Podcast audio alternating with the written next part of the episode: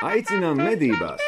Sarunas par un ap medībām kopā ar Lindu Dombrovskiju un Oskaru Trēliņu. Čau! Garām!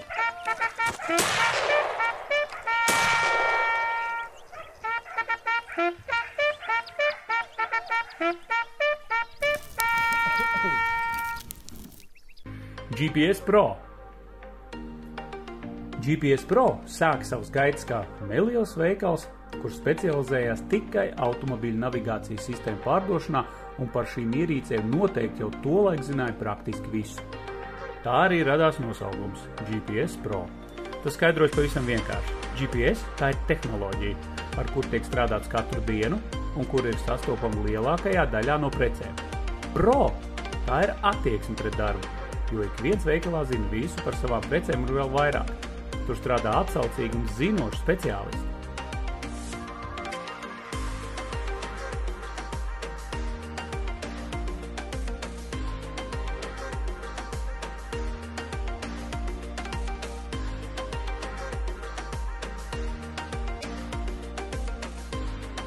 Šobrīd GPS Pro sortimentā ir jau vairāk kā desmit preču kategorijas, tādas kā viedpulksteņi, droni, sporta kameras, eholots, gudrās mājas risinājumi un preces medniekiem.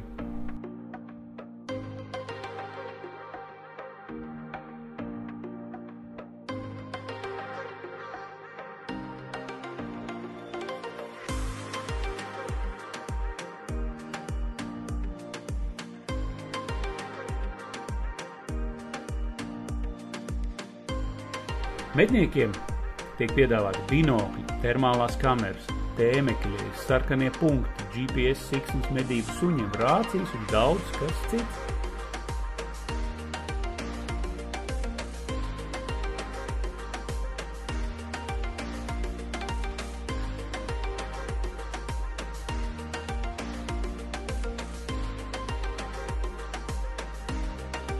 GPS Pro veikals atrodas Rīgā, Tirzniecības centrā Bolero blakus eh, Tirzniecības centram Spice, Lielierbas ielā 27. Papildus informācijai ielūkojies mājaslapā www.gpspro.lv. Labi, draugi, mīļie. Mēs, mēs izdarījām pa 117 epizodēm to, ko nebijām vēl reiz izdarījuši. Jej! Beidzot, tas ir noticis. Beidzot, tas bija noticis. Beidzot noticis.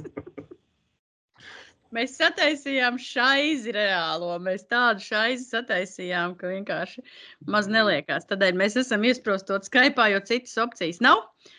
Oskar, ko mēs izdarījām? Ko beidzam, mēs, mēs iedomājamies, draugi, mīļie. Mēs ierakstījām veselu raidījumu, veselu raidījumu.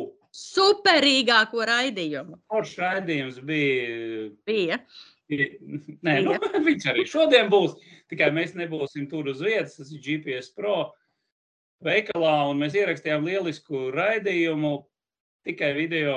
Un kaut kas notikās ar skaņas iekārtu, mums nebija skaņas. Nu, mēs varam palaist. Viegli šņāku, viņi varam palaist. Mēs, jā, mēs varam palaist stundu, kā mēs vienkārši sēžam un kustamies, un skaņas nav. Indus droši vien, ka iemetīs iekšā kādu video. Noteikti tas, ka es to izdarīšu, bet man bija tās drusku šoka moments, es saņemu failus, sāku ķerties pie montāžas un saprotu, ka bilde ir, Oskars kaut ko sparīgi runā, Linda uzmanīgi klausās, pēc tam viņa mainās vietām, un es tajā brīdī nesaprotu, man kaut kas ir ar datoru noticis, vai es vienkārši nesaprotu, kas notiek. Un tad es vienkārši čatiņā rakstu, tam video skaņa ir. Nu, atbilde bija ļoti interesanta. Ne, nu bija jābūt īstenībā, jo mēs pārbaudījām, it kā viss bija labi, bet kaut kas neaizgāja līdz galam kaut kādos momentos. Liekas, mēs nepareizo vadiņu pielikām. Nu, Induls nebija uz vietas. Induls tur tā nebija. vaina, tur tā vaina. Es nebiju uz vietas un neturēju rokos šau garām pulsa. Jā, jā Induls turēja roku mājās uz pulsa. Vai, kā lai saka, lai kronis neuzsit temperatūru, bet izrādās, ka labi, visi labi. Induls, labi visi pēc? labi? Jā, viss ir kārtībā, viss ir labi, ir labi beidzās. Un, un uh, mēs atkal esam trietā un nav jāraut, ka kāds no mums nav klātienē, jo mēs visiem šobrīd esam neklātienē, visi trīs. Tāda loģika tikko Tas bija. bija ģeniāli. Jā, Īstāk sakot, mēs, parunāsim runājamo. Mēs, Parunāsim mēs, jā. bijām, mēs trešdien tikāmies GPS Pro un piedodiet GPS Pro, ka mums būs tagad šitāda epizode un uh, nebūsim veikalā. Un, uh, tā kā Induls bija pozitīvs, tad uh, Indula aizstāja Emīlija. Mēs visus saslēdzām, sasodīts, un beigās sanāca tā, ka vienā mirklī Indulim sirdsklauves, man sirdsklauves, Oskars vispār neatbildēja. Viņam laikam arī sirdsklauves. Nu, tad saskrējāmies fiks Skype, man, man absolūti riebjās Skype epizodes, un jūs arī baigi neskatāties Skype epizodes, starp citu. Uh, bet uh, Nu, neko Cienīsim darīt. Skatās. tie, kas skatās, tie skatās, tie ir uh, uzticamie mūsu varoņi. Oh, es nezinu, es, esmu, es nespēju nokāpt no Twittera. Man, es nespēju saprast tos murgus, kas notiek apkārt. Un, nezinu, es sāku no, nogurt no tā visa šausmīgi. Es nezinu, kā lai galvu atslēdz. Tā kā bija visur pilns ar šito te. Twitter šodien bija pilns ar uh, video, kur saka, mana rīta rutīna tagad ir tāda, pamostos, paskatos, ka Zelenskis ir dzīves un tad dzeru kafiju. Nu, Arī, vai ne? arī variants. Uh, daudzi droši vien pamostās, paskatās, ah, Putins joprojām ir dzīvs. mm, Un padzer kafiju droši vien. Nu. Nu, arī, tā, arī var tā. tā var. Ja, tā kā, nu, žēl, joprojām dzīvs. Nu, arī tā kaut kā var. Jā, jā, bet nu, tas tā, vai ne? Kā visi jokojās, šausmīgi gaidām gulbi ezeru televīzijā. Jā, sociālajos tīklos arī eh, tāds joks par mēnesi martu izplatās, kad eh, šīs te kaimiņu zemes eh, valdniekiem tas marts ir tāds liktenīgs mēnesis, un eh, tas eh, ziņojums beidzās ar eh, frāzi Marta nepievilkt. Jā. Jā? Tāpēc, ka padomu laikos, kā kaut kas bija nelāks Maskavā, tā televīzijā rādīja gulbi ezeru. Kad nebija ko citu rādīt, tad nevarēja tautai stāstīt, ka Brežņevs nomiris, tā palaida gulbi ezeru. Un Tādēļ mēs visi biju gaidām piemirsis, es tagad atcerējos. Pareizi. Kaut kas tāds bija. 91. gadā arī bija gulbi ezers. Gaidām gulbi ezeru. Man, mans mīļākais balets, jebkurā gadījumā, tas šausmīgi, šausmīgi Jā. gaidu. Reāli gaidu. Katrā gadījumā Čaikovskim tā muzika tāda iedvesmojoša. Tā ir šausmīgi skaista mūzika. Mīļākais komponists Čekovskis un pēc tam Pučīnī, bet Čekovskis pa priekšu. Mēs esam šodien Skype 118. epizodi kopā un sadarbībā ar mūsu mīļoto, cienīto un iecienīto GPS Pro.CLV, kas atrodas Lielierbas ielā 27. Visādas elektroniskas štelītes, šausmīgi draudzīgs veikals mūs atbalsta šogad pilnā apmērā. Paldies GPS Pro par to. Bišķiņi pa kaut ko no viņiem parunāsim laika gaitā. Nu ko, ejam gaisā ar 118. Skype versijā dublis 2. Dublis divi mēģināsim uh, izrunāt droši vien vēlreiz to pašu, ko izrunājām toreiz. Kaut gan kas to vairs atcerās, cik feini mēs šeit papļāpājām pa visu, ko mēs īstenībā, Mēs nu jā, Linda, tu pastāstīsi nedaudz par Rīvu. Žēl, ka Emīna nav uz vietas, tagad arī varēja pieslēgties, bet uh, jebkurā gadījumā jaunumu no Īvas. Svaigi. jau no Īvas ko, par munīcijas pirkšanu. Jā, Mēs runāsim par sezonas kartēm. Vēl kaut kāds tikko jautājums uzrādījās, ko es tieši gribēju Oskaram arī pajautāt. Laikam viņš ir izdarījis to. Un tad pajautāsim Oskaram par to. Un tad es vēl stāstīšu par cūkām, kas O. uzrādās kā cūkas, reāli cūkas. Šāva garām, jaktei būt. kas šodien mums ir reāli. Bet Reāli eh, mēs spridzinām ar šitiem te. Mēs paskatīsimies to, pēc tam parunāsim par to, par ko runājām tad. vai ne? Bet galvenais, galvenais cūkas ir ne tikai Lindai, cūkas arī atnāca uz manu pievilināšanas vietu, eh, nu, tādā kuplā pulciņā, un viņas tur kādas divas stundas jau rosās. Nu, man arī atnāca jau tas, tas, tas, tas, tas dramatiskais dzīvnieks, kurš uzvedās. Ah, oh, viņš šodien ir ar draugu. Nu, skaidrs, nu, labi. Viņš cer uz vēl vienu iespēju. kā nenāk, man tās cūks kā nenāk, tā nenāk. Redzat? O, Jā. redz, redz, draudzīši, Es nezinu, kas ir ar to cūku. No sākuma visu laiku nāk tā kā viens kuilītis. Ok, labi, nāk kuilītis. Tad es uzlieku paleti ar kārumiem. Tad tas kuilītis, kurš it kā visu laiku nāk un turpat tās ēda, pēkšņi, kad tā palete ir nostāvējusi tur divas nedēļas, pēkšņi ierauga to paleti un sāk no viņas baidīties. Uz pirkstu galiņiem mums bija Facebookā video, uz pirkstu galiņiem ložņā ap to paleti. Nākamā dienā atnāk arī kuilītis, apmēram izmērs tāds pats. Es taču kamerā nezinu, tas ir tas pats DNS analīzes, neesmu ņēmusi. Šis tagad paņem un to paleti velk projām. Iepriekšējā dienā baidījās, nākamā dienā paķerais tur tāds striķītis, kur ir piesiets tie kārumi, lai viņš tos kārumus neaizvelk. Viņš paņem un to paleti stiep projām, kaut kur atspēries velk. Nu labi, pēc tam paiet nākamā dienā, viņš atnāk ar draugu. Bet tas draugs izstāsta tā kā, tā kā cūka. Tikai, nu, ja tas kuilis ir liels, tad tas viņa draugs izstāsta pēc kaut kāda takša uz īsām kājām. Viņš Viņa vienkārši, viņš vienkārši nesadraugam iepriekšējā vakarā. Draugs nevarēja atnākt, viņš nesadraugam. Tagad, un tagad ir tā, nu, tas draugs uzrādās, tā, tā otra cūka ar to kuilīti uzrādās, nezinu, reizi nedēļā vai katru trešo dienu vai ceturto. Es tagad nesaprotu, tie trīs dažādi kuģi vai viens kuģis, viens baidās, viens uh, stiep paleti prom un vienam ir draugs.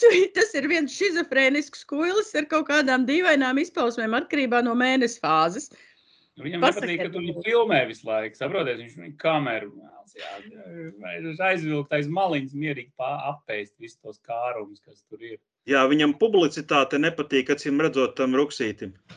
Bet tas jau nekas ar tām cūkām nav. Tad atnāk man uzrādās četru cūku bariņš, kas vienā kamerā tur visu laiku plēsās savā starpā. Viņas jau otro reizi paņem, uzkāp tajā mucei, kaut kādā veidā uzguļās uz tā plauktiņa. Un tā konstrukcija tāda, ka tas plauktiņš noslīd zemē par spīti skrūvēm, un visi graudi, 50 zelta vērtē esošie 50 kg graudu, izgāžās ārā. Tās cūkas visu nokopja. Nākamā dienā atnāk tas šizofrēniskais kuilītis ar pedofilām noslīcījumiem, jo tas mazais viņa draudziņš ir. Un, un nav vairs ko ēst, tāpēc ka tās četras cūkas ir to visu apēdušas. Tad viņš staigā apkārt ap to mucu un visu laiku sit to mucu. Bet tas nekas. Ā, Tagad mēs aizbraucām, šodien ar tēvu saskrūvējām to mucu, pielikām plauktiņas. Šodien nopirku graudus. Graudu cena, zelta vērtēja graudi, divreiz dārgāk nekā kad es pirku rudenī, bet es esmu gatava to paciest. Mēs maksājam par brīvību, tā ir brīvības cena. Nekāda problēma, lai cūks tagad ēd tos graudus. Labi, viss kārtībā. Es uztaisīju eksperimentālā kārtā, uzliku darbu. Pa pirmo reizi, man liekas, tur visi koki man apķēpāti ap to, to barotavu. Kaut kādi trīs noteikti ir apķēpāti. Un beidzot, beidzot tās cūks uzķēra to darbu. Un tagad nāk un viņas uz to darbu tajā video. Ir aptrakušas, viņi tur vārtā skrīt gar zemi, kā kaķi uz balderjāņiem. Tas viss koks ar ilkņiem ir noplēsta mīza. Viņš mēģinājis, es nezinu, iebāzties tajā darbā iekšā, tur, kur man uz zemes izlija. Viņi krīt gar zemi, berzējās vārtās. Nākamā mēneša žurnālā medības mums būs reportāža par to, kā to darbu uzliek un ko tās cūks tur dara. Bet neko, tās cūks paņem un noplēš man meža kameru, sakošļā baterijas un sasit ekrāniņu.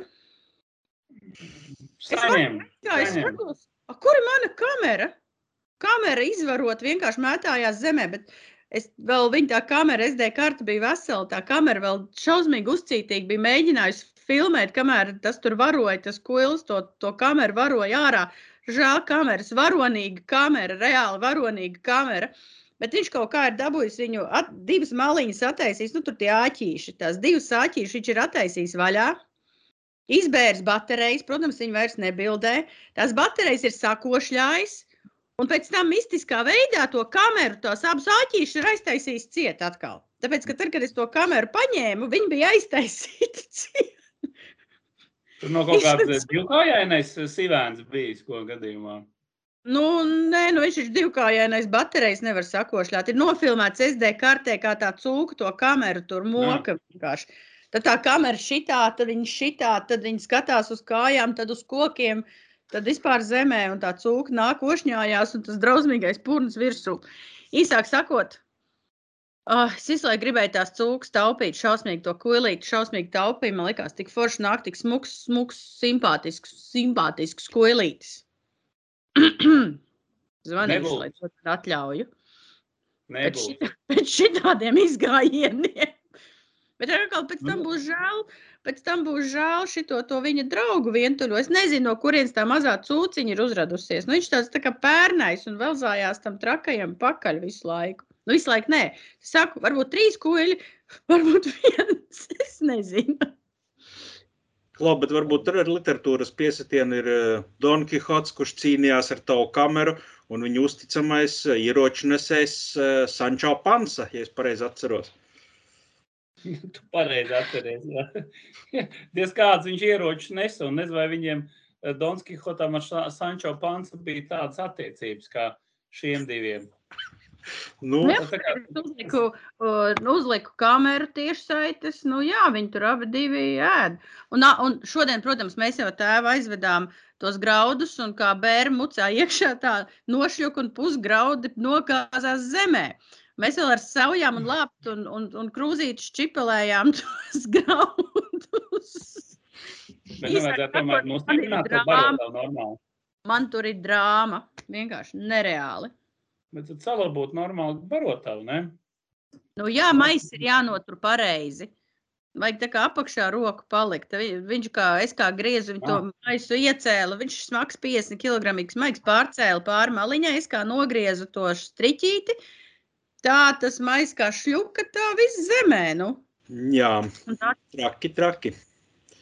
Man pat nav ko komentēt. Zināt, un tas, mīļie draugi, tas ir viss jūsu dēļ, tāpēc, ka mēs mēģinām eksperimentēt, testēt kameras un testēt visādus kārumus un darbus un vēl visu kaut ko, un neviens vienīgi sirds sāpes. Tur man kamera Jā, var- sagrauza cūka. Vot, ko es gribēju teikt šajā sakarā? Ka tieši GPS pro veikalā var nopirkt tādas kameras, kuras pat cūka var attaisīt un aiztaisīt. Ja? Galvenais Oskar aiztaisīt. Un aiztaisīt. Zolīti izņem baterijas ārā, aiztaisīt ciet, nu, lai tur viss ir klārs. Pat cūka to var izdarīt. Ja? Nu, Godīgi sakot. GPS pro kamera nesakoda. Man ir vēl, man ir jāpārnes tad vēl viena. Bet tas ir tik smieklīgi. Ieliksim jums video, Induls ieliks video, kā tās cūkas tur ņemās ap to darbu. Nu, tas ir vienkārši nereāli. Sešus gadus es ar viņu eksperimentēju, tad uz vienu koku, tad uz otru koku, bet tur ir noslēpumi, kas ir jādara, un bija jābūt nosacījumiem, lai tas strādātu. Un sāk strādāt. Vienkārši tā kā aptrakuši, vienkārši tā kā kaķi, tā kā kaķi uz to darbu. Vai jāpaņem, man būs pie manējās kameras. Šit man sen nav cūkas bijušas. Viss, Nu, viņas kā atnāk, izēd un aiziet. Nu, jā, bet man liekas, tieši tāpēc, ka man tagad tur tās cūkas uz vietas dzīvo, tādēļ arī, tādēļ Jā, arī ņemās, viņas jā. jā. ņemās tajā mirklī. Tad, kamēr viņas tur vazājās apkārt, tā kā nebija tā populācija, tikmēr viņas tur, bet nu, visi. Viena, tur, tas lielais ar savu draugu vārtās. Viens sēž vienkārši dibens pret zemi, kas šitā. Izskatās vienkārši vaiprātīgi. Īsāk sakot, Lūriķi. Izmēģināju uh, šo te uh, gājienu ar darbu, un ar kāds laiks bija vajadzīgs, kamēr viņas uh, atrada, saprata, kas un kā, un, un tad pēc tam smuki nāca un arī trinās, kā runči martā. Tālāk, tādas ir manas nedēļas ar cūkām. Viena vienīga drāma, bet interesanti. Es ceru, ka jums arī interesanti. Mums tos video mēs liekam uh, žurnāla medības Facebook lapā, YouTube. Ik pa laikam ir. Vakar, vakar es uztaisīju sašutumu pilno dzīvo raidījumu YouTube par to, kā, kā es atradu savu izvaroto kameru. Jā, un uh, mani kolēģi no mana medību kluba zvana un saka, ārprāts, Indula, kas tur Lindai noticies, viņa tādā balsī stāsta, bail tālāk klausīties. Nopietni, Nopietni! nopietni, nopietni. Bet tu saproti, kāds man bija sašutums. Es saprotu, aizēju, Skatos, kurš nozadzis kameru. Nu kā, vi, tur ir trīs kameras. Saprotu, tur neviens nevar paiet garām.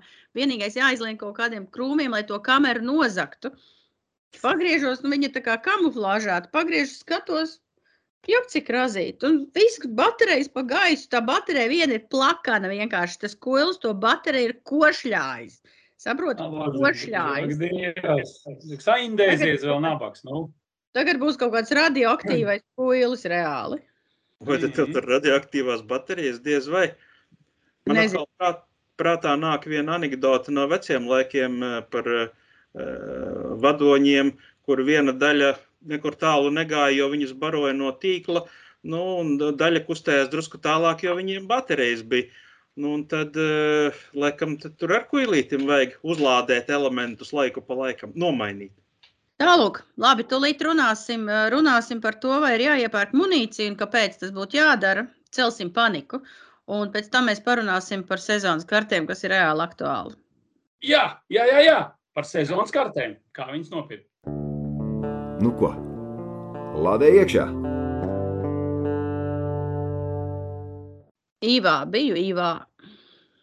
Mēs nu, sāksim ar to Linda, jā, Īva. Īva. Pastāst par Īvu. Tu biji milzīgā izstādē. Jautājums, vai cik viņa milzīga bija šogad? Nu, uh, dalītas jūtas par Ivu.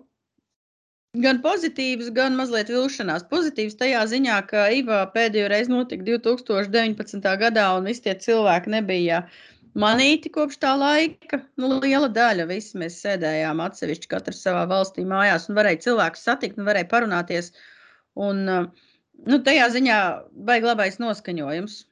Uh, izstāde bija krietni, krietni mazāka, bet, nu, labi, Ko nozīmē mazāka? Ja iepriekš, kā, man liekas, 19, 18 gadā lielākais dalībnieku skaits no ekspozīcijas skaits bija 1400, 1700 stendu, tad šajā īvā bija bišķi pār 900. Nu, it kā krietni mazāk, bet no otras puses, tik un tā, tur ir 900 firmas, nu iedomājieties to apmēru.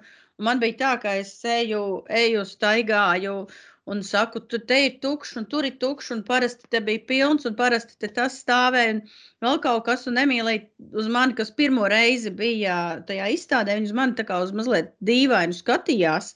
Viņi saka, bet te ir tik daudz visa kā, te ir tik šausmīgi visa kā daudz. Mēs, mēs mēģinājām taisīt, mēs taisījām dzīvos visos sociālos tīklos, norāvām bānu no TikTokā, piecās minūtēs. beidzās ar to, ka mēs TikTok dzīvo filmējām pie zābakiem un balistola. Bet uh, uh, sataisījām šausmīgi daudz bildes. varat skatīties YouTube, Facebook, visur mums ir video, reportāžas, intervējām Dedupleks, Andris Tīpnieku, kurš baigi interesantās lietas pastāstīt, tūlīt arī par to parunāsim.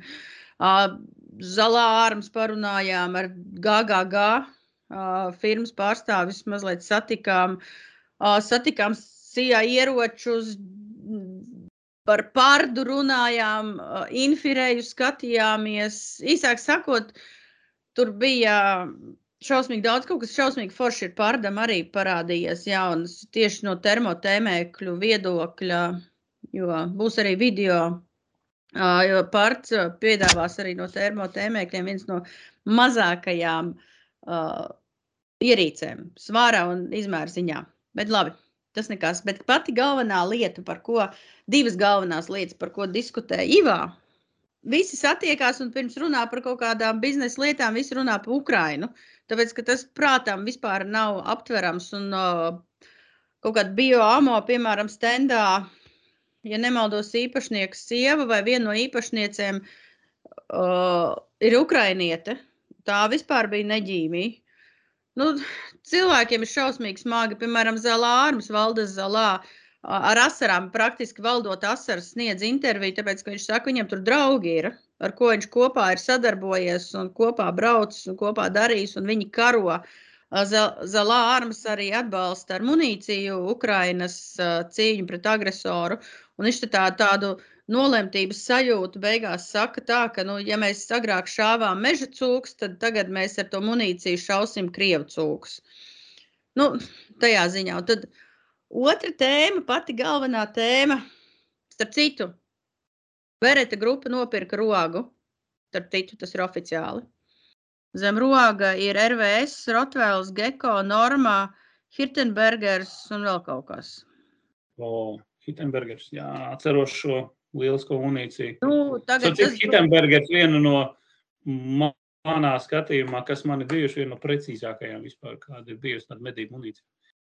Nu, un, jā, par, nu. to runāja par to klīda baumas, ka rokas uh, aiziet pie beretes. Tagad pēc īvas bija oficiālā, oficiālā preses relīze par to, bet pats galvenais, pats galvenais, ko pēdējā dienā, pilnīgi pēdējā dienā runāja visi, arī Zelārams stendā, un tad mēs nogājām gar D dupleksu. Un uh, tieši dzīvajā Facebookā runājām ar Andru Stīpnieku no D dupleksa. Uh, izcili, vienkārši fantastiska kompānija tajā ziņā, ka viņi katru gadu ir Rīgā un prezentē Latvijas vārdu un savu munīciju. Tāpat kā Zelārams prezentē lietuviešus.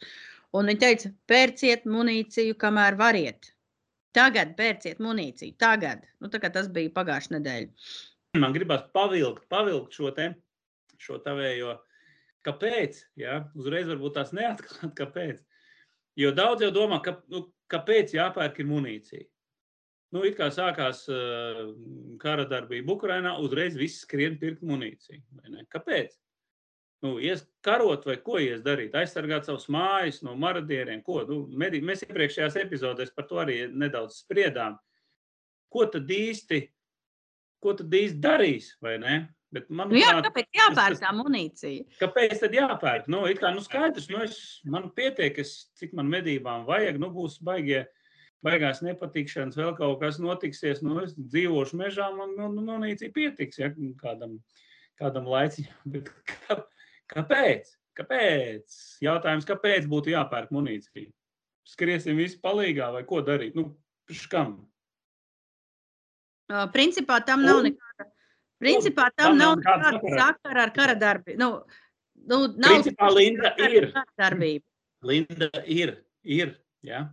Es, es saku, domāju, ka tieša sakara. Nav runa nu, par to. Ka... Relatīvi. Ja? Tāpēc, kad pilnīgi iedomājas, ka visi, visa industrija, kas ir uh, munīcijas ražošanā, es pieļauju, tagad ir koncentrējās uz šo, ja, jo iedomājas, cik tiek izšautas munīcijas, teiksim, kaut kādās karstajās vietās, kur notiek kara darbība, vai ne? Nu, es tā pieļauju. Ja? Otra lieta, ka ir problēmas arī ar to pašu metālu, ja, kaut kādām izēvielām, rupi runājot, no kurām tiek kaut kas veidots un darīts. Ja? Tad mēs lēnām Jā, nonākam līdz runa tam, jau nav par to. Runa jau nav par to, ka jāpērk munīcija, lai tu varētu tagad iet šaut naidnieku. Nav runa par to. ne, ne. Nav runa par pašaizsardzību. Ir, runa par to, ka industrijā reāli trūkst komponentes, proti kapseles. Mm. Un tā ir pavisam vienkārša lieta.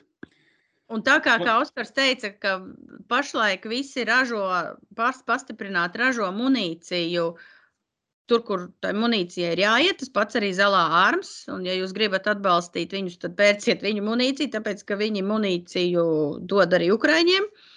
Uh, Un uh, piegādes nebūs. Viņi nespēja saražot. Viņi vienkārši nespēja saražot. Tas nozīmē, ka nav izēvielas un nespēja saražot, nav piegādes kavējās. Munīcija cenas augsts. Vienkārši augsts cenas. Man liekas, ka visām izēvielām, visām kaut kā ir tādā geometriskā progresijā. Vēl arī pirms šīs, te, pirms Ukrainas vēl kaut kādu laiku, kāds mēnešus iepriekš bija jau vērojama, teiksim, tāda tendence, ka trūkst, trūkst materiāli. Ja, teiksim, mums, kas lādē savu munīciju, bija viens brīdis, kad nu, tu vienkārši tev nav ne lodes, nekā, tu nevari nopirkt neko. Kapsels nav, tas nav, vai arī, piemēram, tu zini, ka, ka kaut kur tava konkrētā lode, kuru tu gribi, ir, bet tu pasties vienā Eiropas veikalā, otrā Eiropas veikalā, trešajā internetu veikalos, eju. Tur ir tikai šī tik bišķiņi, bišķiņi tur, bišķiņi tur. Tā nevar salasīt, jo no Amerikas ļoti daudz kas nenāca arī, ja? nu, tādā, tādā veidā. Un nav. Un tā ir problēma. Un, uh, tas pats bija arī ar optiku, ar optiskiem tēmekļiem. Es savēju optisko tēmekli jau no pusgadu gaidīju reāli. Ja? It, it kā jau, nu kas tur ir? Pat arī Eiropas lielajos interneta veikalos, optikas specializētajos veikalos, visur tikai priekšpasūtījumi.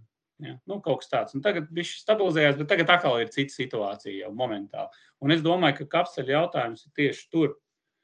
Jo cik daudz izšauja, tur droši vien kaut kāds, ja mēs iedziļinātos, es pieļauju, ka tur ir kaut kāds īpašs komponents. Nu, tas ir tomēr tur ir tērauds kaut kāds, ja, specifisks. Attiecīgi, kapselē ir jāsprāgst, jādetonē, un, un, un vienkārši to nevar izdarīt. Atcīm redzot, pieprasījums ir tik milzīgs un ražo, ka vienkārši nebūs. Un otra lieta, es jau domāju, ka vēl kāpēc vajadzētu iegādāties to munīciju, nu, lai nesanāk tā kā ar degvielu, vai ne tagad. Kas tad tur būs? Nu, kas mums ir? Gandrīz 2 eiro. Gandrīz 2 eiro. dotajā Jā, bija brīdī. 2,20. Vācijā Nu. bija 2,20. Latvijā ir 2,20. Mēs jau uz to ejam. Vienkārši viss paliks ļoti, ļoti stipri dārgāks. Nu, un, uh, labi, nu, degvielu, cik tu tur nopirksi? Nu, nopirks tonu vai vēl kaut, kaut kā tur, kur viņi glabās, vai ne? Vai trīs kannas nopirks. Nu, ok, nu, cik tu tur nopirks? Bet munīcija, domājot uz priekšu, nu, tā kā, tā kā mēs, tādā epizodē mēs jau šo runājām, bet, respektīvi, tu kā vari saplānot savu gadu, uz priekšu. Nu, piemēram, tagad no 1. No 1. aprīļa jaunā sezona. Un tu kā padomā, re, ka tev būs uz buciņiem, tur pēc tam sāksies tas, sāksies šis, līdz pat dzinēju medībām. Uzreiz sapērkam tik, nu, lai tā kā pietiek.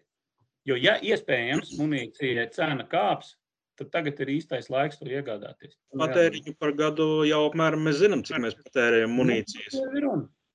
Tur ie- iekļaujot, teiksim, ne tikai medības, plus vēl kaut kādu treniņu. Mm. Nu, jā, vasarā vēl- jau arī sportiņu. O- Piemēram, tagad es, es tagad es, es nopirku, tad, kad mēs rakstījām epizodi, tajā dienā es nopirku patronus. Sanāca krietni vien tāpat dārgāk nekā iepriekšējo reizi, kad es pirku, bet, nu, seifā ir salikts. sagādāju arī, es sa, sagādāju sporta munīciju un sagādāju medībām lielo un mazo kalibru. Nu, viss. Nu, patrons jau vecs nepaliek. Nu, Tieši tā. Nē, nē, nē. Nu, man ir jā, nesakāls komponents. Es jau, es, kā es teicu, es, es kaut kā jau zinādams, man jau pirms, pirms jā, tas ir pirms pagājušajā gada Latvijas čempionātu uz 300 metriem. Snaipingā es jau biju sapircis, jau salādējis patrons. Un bija kapsels kaut kā tā likās, jo tad jau bija tā, ka, ka tur nav, šeit nav. Es domāju, nē, jo ir jānopērk vienreiz. Nu, tā, tā, tā normāli, tāds, tāds, tāds kaudzīt. Nu, lai ir. Ļoti labi, ka nopirku. Es tagad nenožēloju. Zelta vērtē man tagad ir zelta kapselīts. Man ir. Piedodiet, draugi, es skatos dzīvajā cūciņā. Lielais kuilis ēd, Nu, nu. mazais ar viņu, un divi kaut kādi aizmugurē snaigstās un nekādīgi netiek klāt, baidās. Ej, labais. Zinu- ā, GPS Pro, kas šodien atbalsta mūsu epizodi, varat nopirkt visdažādākās meža kameras. Es no, spa, es no GPS Pro lietoju SpyPoint meža kameru un uh, burēlu kameras, ko es Kurats, nopirku. Jā.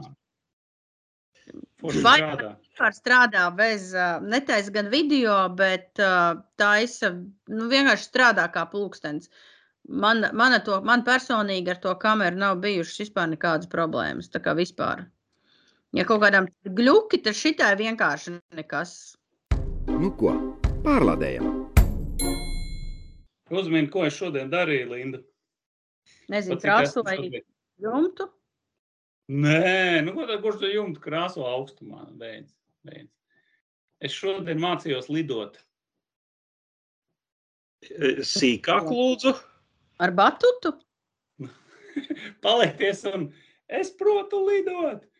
Nē, nē, nē, tieši šajā te tieši sakarā, sakarā ar GPS Pro. Ko vēl var iegādāties Linda GPS Pro? Ā, dronu! Ah. Jā, jā man ir drons. Jej! Kuru tu nopirki? Man DJI mini. Man ir tieši tāds mini divi. Mini divi, jā? Nē, man ir uh, parastais mini. Šis jau mums bija uzņēmumā, bet es, nu, mēs viņu tur arī pirkām savulaik. Vienkārši šodien es paņēmu pie sevis. Beidzot sāku mācīties lidot. Un kā? Kādi panākumi? Skaties, vēl dzīves.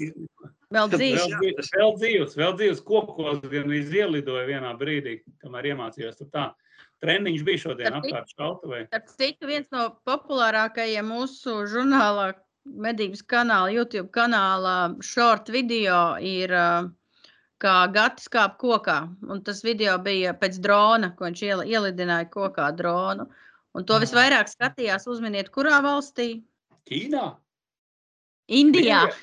Indijā. Indi- Kā gatis rāps kokā pēc drona. Pēc drona. Jep. Nu, jā, tā kā, tā kā draugi arī šādas lietas var iegādāties tieši tur. GPS pro veiklā. GPS, GPS, Pro nu, jā, tā, mēs- tā mēs par to īvu runājām. Nu, jā, par to munīciju. Jā, ir nu, jāpadomā, ja ir iespējas, tad nu, sagādājiet, lai pēc tam nav jāskraida apkārt. Bet bez nu, fanātisma, bez fanātisma. bez panikas. Mēs Bez nesējam, godīgi nesējam paniku. Nē, tā vien, vienkārši padomājiet, nu, es personīgi noteikti iegādāšos to munīciju, kamēr tā cena ir tāda, kāda viņi ir. Jo es, es tā paredzu, nu, ja viss kāp, tad tur arī kāps. Nu, un, kā mēs zinām, ja mēs šaujam daudz, tad, tad vajadzētu tā kā uz priekšu padomāt nedaudz. Tad labāk, lai viņa ir seifā, nekā viņas Jā, nav. jā. Nu, jā tieši Nu, tā. noderēs. Noderēs. Nu, bet, protams, kā tā nav noderējis? Kaut... Kurš to būtu domājis? Nu, jā, tieši Patīk. Es ā, atveru, ik pa laikam atveru Twitter, piedodiet, es nespēju, nespēju atslēgties. Um, un pirmais ieraksts, kas parādās, ir, ka Krievu Su-34 tika aizsūtīts, lai tiktos ar Elvisu. Jā, tā, jā. Nu, tas bija. Ah, par to spēļu traktoru arī. Ja? Jā, bet, bet saprotiet, nu, es nezinu, tā tēma kaut kā ir jādabūna ārā no sistēmas. Jo mēs braucām, mēs jau braucām, kad tas bija nu, pagājušā nedēļa, kad bija nedēļa palika pagājusi kopš uh, kara sākuma. Un, uh, Polijā, Vācijā visas tankšķēles pilnas ar ukraiņu mašīnām, ar ukraiņu numuriem. Un, uh, ar vienu ģimeni parunājām. Nu, tas ir traģiski. Nu, es nevaru parunāt, viņi nevar parunāt. Iedomājies vienkārši.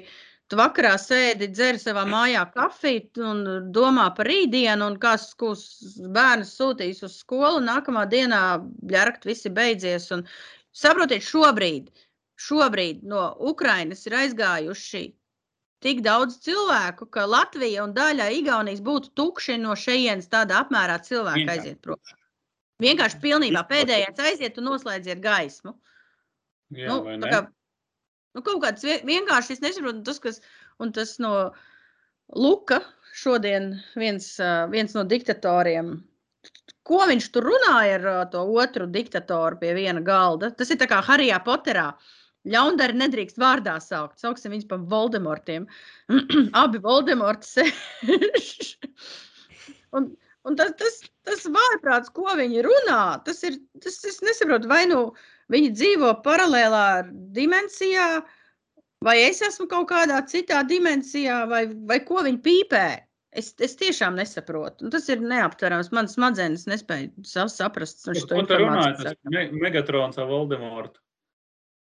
Megatrons runāja par to, ka viņš visu laiku tā kā viņi, tā kā aņī, aņī, es nezinu, kas ir viņi, kas viņam tur uzbruk, bet ka viņi Kā? uh, ir gribējuši iebrukt Černobiļā un gribējuši uzspridzināt Černobiļu, un tad viņiem abiem, uh, Megatronam ar Voldemortu, abiem diviem vajadzēs ar to visu tagad tikt galā, un tādēļ viņi preventīvi sāk šaut, lai to nepieļautu. Ah, uzspridzinās paši. Vai ir miers? Uzspridzināt paši, jā, paši atslēdz elektrību. Un viņi esot, un tas Megatrons esot ar varu vilcis elektrību uz Černobiļu. Tāpēc, ka viņi esot atslēguši Černobiļā elektrību, un viņam, Man- Megatronam, ar varu bija jāsu, jāvelk elektrība. Nesa, Jā, tas ir tā- Tas ir, tas ir tas pats kā dzemdību namā, vai ne? Un slimnīcā, tad slimnīcā, kur dzemdību nams bija, tur bija, tur bija mistiskie fašisti ievākušies. Saprotu? Jā, jā, tur kaut kāds štābs. Pūtniecēm un izlikās, ka Stāsts dzem. vesels. ja? Es tev saku, tur mm, dzīvo mazie, mazie fašistiņi droši vien. Tu tos Jau ar, ūciņām un SS formā Jau ar nāc ārā. Jau, jau. Starp citu, par šo salutēšanu runājot, ja? zināms, līdzības te gāja arī. Nu, YouTube ir pilns ar dažādiem video, kur, kur par atbalstu Megatronam Jā, jā. tā teikt. Ja? Es gan, Bērni es iet gan, un ā, es gan- salutē ar zēburtiņiem un salutē. Sveiki! Es, es pa Megatronu saucu to resno, un pa Voldemārtu es saucu Ah, Voldemorts, tas arī Unduri. samainam. Jā, jā, par to atbalstu. Voldemārts un. Megatrons ir resnais. Jā, jā, rasnais Megatrons. Tas, tas vairāk, jā. Ja pareizi, pareizi. Voldemorts tas ir ļaunuma iemiesojums vispārējais. Bet, jebkur... Var jau vēl būt šitais Saurons no Gradzena pavēlnieka, tā sarkanā acis Maskavā, kas, ir, kas tur bija to Gradzenu gribēja dabūt un teica, my precious! Tas mm? bija Golums. Viņš ļoti līdzīgs starp citu. Golums, jā. Wow! Jā, bet Saurons jau bija, Saurons jau bija tas galvenais jā. ļaundaris, kurš tās, tā sarkanā acis, kas bija oranžāts. Jā, jā, jā. Tas tā vairāk līdzībās. Nu, lūk, jā, labi, šādi te interesanti mums lieta. Starp citu, ah, jā, vēl. Munīcijas cena ceļās Megatrona un Voldemorta dēļ. Jā, tieši tā. Un, jā, un gribās pateikt paldies visiem, visiem tiem, kas pirmkārt ziedo mednieku konservus medību pārtiku, ja, sūtam uz Ukrajinu. Paldies arī tiem čaļiem, kas iesaistās un brauc uz robežu. Man draugi divi ļoti labi. Tieši to arī izdarīja. Ir visādas privātas arī iniciatīvas, un, kas strādā nedaudz ātrāk nekā valsts iestādes, bet savācās, ir zvans, busiņš ir, ir, maucam, viss. Un starp citu, Polijas robeža, un čaļi veida vienkārši bēgļus. Turpu, šurpu, Polijā uz vienu konkrētu baznīcu, kur atkal tika viss koordinēts. Un pēc tam vēl vienu ukraiņu ģimeni aizved vēl uz Daugopilu pie radiniekiem. Un uh, mūsu pašu komandas, jaunākais komandas biedrs Egils Paņēvičs, viņš pie sevis uzņēma ģimeni ar pieciem bērniem un ir tagad teica, ka ir gatavs atvērt savu viesu māju ar sešām istabām un uz, uzņems vēl sešas ģimenes. Vienkārši šiem cilvēkiem cepurnos, tas arī es ziedoju naudu. Uh, Mēs vēl, mēs, jā, es un vēl kaut kādas lietas, ka, ko zemesardze prasīja, aizsūtīju termosus un medību jakas viņiem. Tā kā nu, katrs jau var kaut ko darīt. Tā, jā, jā, jā, mēs no uzņēmuma arī, jā, mums tur lukturīšas un vēl visu kaut ko. Citu, un, arī GPS, un arī GPS Pro teica, Toms teica, ka viņi arī nodarbojās ar sūtījumiem, jo kā tas strādā, ir kaut kāda nauda saziedot, un tad no tās organizācijas, kurām nauda ir saziedot, vienkārši no veikaliem pērk termotēmēkļus un termotēmēkļus. Un man šodien zvanīja, zvanīja šodien no Lietuvas, prasīja kontaktus Latvijas veikaliem tieši par termotēmēkļiem, tāpēc, ka Lietuvā termotēmēkļus lietot nedrīkst naktiniekus, un tādēļ viņi gribēja caur Latvijas. Teica, bet, uh, sorry, Latvijā jau viss ir izpirkts. Visi pats sauso vienkārši. Jo es zinu, ka GPS prāvā teica, viņiem tur iet vienkārši prom. Nu, tā kā vienkārši nav. Viss termo, jebkas šunk. Šā garām jaktei būt. Linda, Berets stendā bija apskatīja My Precious. Jā, es apskatīju tavu beretu. Mm. Nu, ko? Ko teiks? Plasmasīga. Plasmasīga, jā, laida plasmasīgā, mazliet uh, pašlaik tas prototips mazliet atgādināja Zauera 101. versiju kaut kādu, kas, nu, tad vēl parupja bišķiņas, bet es domāju, ka viņi to visu uzlabos. Galvenais tā koncepcija ir interesanta, ka Beretai BRX1 ar pildspalvas, vienkārši ar pildspalvas palīdzību ir iespējams nomainīt uh, aizslēga pusi, aizslēga rokturu pusi un arī attiecīgi aizslēga galu, lai no labroča pāriet uz kreili. Un tāds, nu, tā ir viena no feature. Tā ir viena no feature. Tā ir noteikti Jā, viena no feature. Uh, principā Beretai tā ir pirmā medību karabīna. Nu, Bereta līdz šim ir ražojusi militārām vajadzībām viņas to brieročus. Tagad medību vajadzībām tas bija ekskluzīvi gludstobra ieroču ražotājs. Un tagad ir pirmā karabīna sagaidīta. Mm, ņemot vērā to, cik kvalitatīvi Berates gludstobra ieročies, man nav šaubu, ka arī šis būs kvalitatīvs ierocis. Bet, bet par ko mēs esam, mēs diskutējām, ka sēdējām vienās vakariņās ar uh, bija tā, pie galda bija četri latvieši, viens beļģis un divi igauņi. Un uzminiet, kurš bija visrunātīgākais no viņiem visiem? Viens igaunis. Igauni. Uh, un viņš stāstīja tā, ka ir, ir parasti ir tā, ka, ja ir kaut kāds jauns modelis ar šausmīgi daudzām detaļām, tad uh, paiet kaut kādi divi gadi, kamēr viņi atrisina visas problēmas, kas ir saistītas ar šo ieroci, nu, tā kā jauno modeli, jo kamēr, uh, kamēr tu nesāc ikdienā lietot, tikmēr tu nezini, kādas tur varētu būt uh, kļūmes un problēmas. Un tieši par to runājot, ir, uh, es arī atceros es savu Blāzeru F3 pirmo nopirku lietot Lietuvā. Un tam, tam blāzeram bija tie, tas numurs, sērijas numurs bija tas, kas ietilpa pirmajos četros tūkstošos uh, saražoto F3 gudstobru ieroču, kuriem atzina, ka ir defekts un viņus atsauca. Tā arī sazinājās ar mani, paņēma manu plinti, aizsūtīja atpakaļ uz rūpnīcu un atsūtīja atpakaļ jaunu ieroci pēc kāda laika. No, samainīja vienkārši. tā kā Nu, garantija jau ierocim ir, un līdz ar to, ja būs problēmas, tad atsauks tos modeļus, un tas ir arī viss. Jā, jā, jā. Es, vair, jā, es vairāk par to, ka tomēr, nu, jauns, taisnais aizslēgs, Cena, cena, maināmies tobri, maināms uh, mēlīts nospiediens. Īstenībā pasaka neierodas godīgi sakot. nu tā, ja mēs tā ņemam. Man pagaidām. Pagaidāms papīri, jā. Nu, skatīsimies, paņems rokās, un tad arī Viņi jau solīja, kā viņi, viņi solīja uz vasaru to dabūt gatavu, bet uh, bija arī runas par to, ka nu, varētu būt kavēšanās. Nu, bet tagad viss kavēsies. Nu, tagad mēs esam tādā pasaulē, kur mums viss trūks un, un uh, kavēsies lietas. Bet es, es godu vārds nesaprotu. Ai. kāpēc? Priekš kam tas bija vajadzīgs? Nu, priekš kam tas bija vajadzīgs? 21. gadsimtā es arī nesaprotu. Bet, nu, redz, kāds gribēja paspēlēties, padalīt višķiņu Eiropu, droši vien, un, un kaut kā Bet parādīt tas jau tāpatās kā Pirmais pasaules karš iemesli jau karam īsti nebija. Vienkārši gribēja paspēlēt kariņu. Nē, gribēja sadalīt teritoriju. Kā tad nav? Kāpēc? Molotovs, Nu jā, Ribbentrop, fakts. Tas jau ir. Sadalīja, Hitlers uzmet. Viss sākās klapt. Nē, es par Pirmo pasaules karu runāju. Es nerunāju par otru. Es par pirmo runāju. Ah, nu, tur pirmo, jā, ka varbūt tās tur valdības un karaļi, kas tur tajā laikā bija izgudroja, ka viņiem tas kariņš ir vajadzīgs, tur sāka bīdīt ultimāts un vēl kaut ko, bet tam cilvēkam, kurš gāja karot, nu tā kā tagad, nu nebija par ko karot, nu, nu nebija tur neviena ienaidnieka reāli, nu vienkārši sadzina un lika vienam otram ložmetējiem šaut nos, nu tagad arī nabaga cilvēks vienkārši sūta šaut slāvus, nu tā kā slāvi šauj slāvus nos, nu tas ir...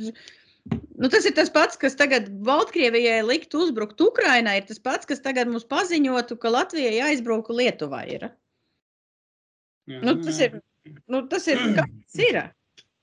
Nē, tas nav pareizi.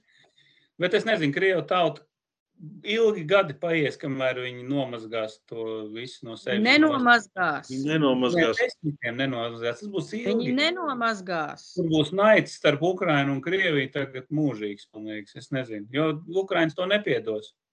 Nekad. Vienkārši Kas nekad. Tu gribi teikt, ka mēs esam piedevuši, mēs neesam piedevuši, mēs neesam ne piedevuši, ne mēs esam aizmirsuši. Nē, nē, vienkārši nu, šis ir pārāk jau. Mēs atkal, redz, mēs atkal atgriežamies pie tās tēmas. Nu, tas ir mēs nespējam. Jā, labi, viss tā, beidzam. Ejam tālāk. Vienkārši man Tas galva spiežās, es nespēju sagramot to informāciju. Es, man patīk vēsture, es lasījusi par visādiem kariem, par tīpaši man patīk karu vēsture, tāpēc, ka tas ir šausmīgi interesanti. Bet, tā, kad tu to skaties Twitterī, dzīvajā, tas ir vienkārši. Interesanti. Tas ir, ne, nu, ir arī interesanti, protams, jā, bet tu nesaproti, nu, kāpēc tas tagad bija vajadzīgs. Nu, Come on! Nu ko? Lādē iekšā! Linda, marts, vai ne? Marta vidus, un tūlīt, tūlītās sāksies jaunā medību sezona no 1. aprīļa. vai ne? Jā, jā Nu, iegādājies jau savu sezonas karti. Vēl nē. Indu. Es arī vēl neesmu iegādājies, bet es zinu, kā to izdarīt. Aha! Nu, Tā, mums ir tā bija divi jautājumi. Mums, ir, mums bija divi jautājumi, par, kas, par ko mēs meklējām atbildes medībām.lv, un Induls to darīja sazinoties ar valsts meža dienestu. Pirmais jautājums bija tāds, vai tagad GISā, tajā valsts meža dienestā, GISā, uh, valsts meža dienesta jaunajā, kas tas tāds ir, vietnē, kā lai to nosauc? Vietne, jā, Sistēmā? vietne. Visātāk to darīt datorā. Informācijas sistēma. info, jā, GIS, GIS informācijas sistēmā uh, nopērkot sezonas karti, jo viss ir.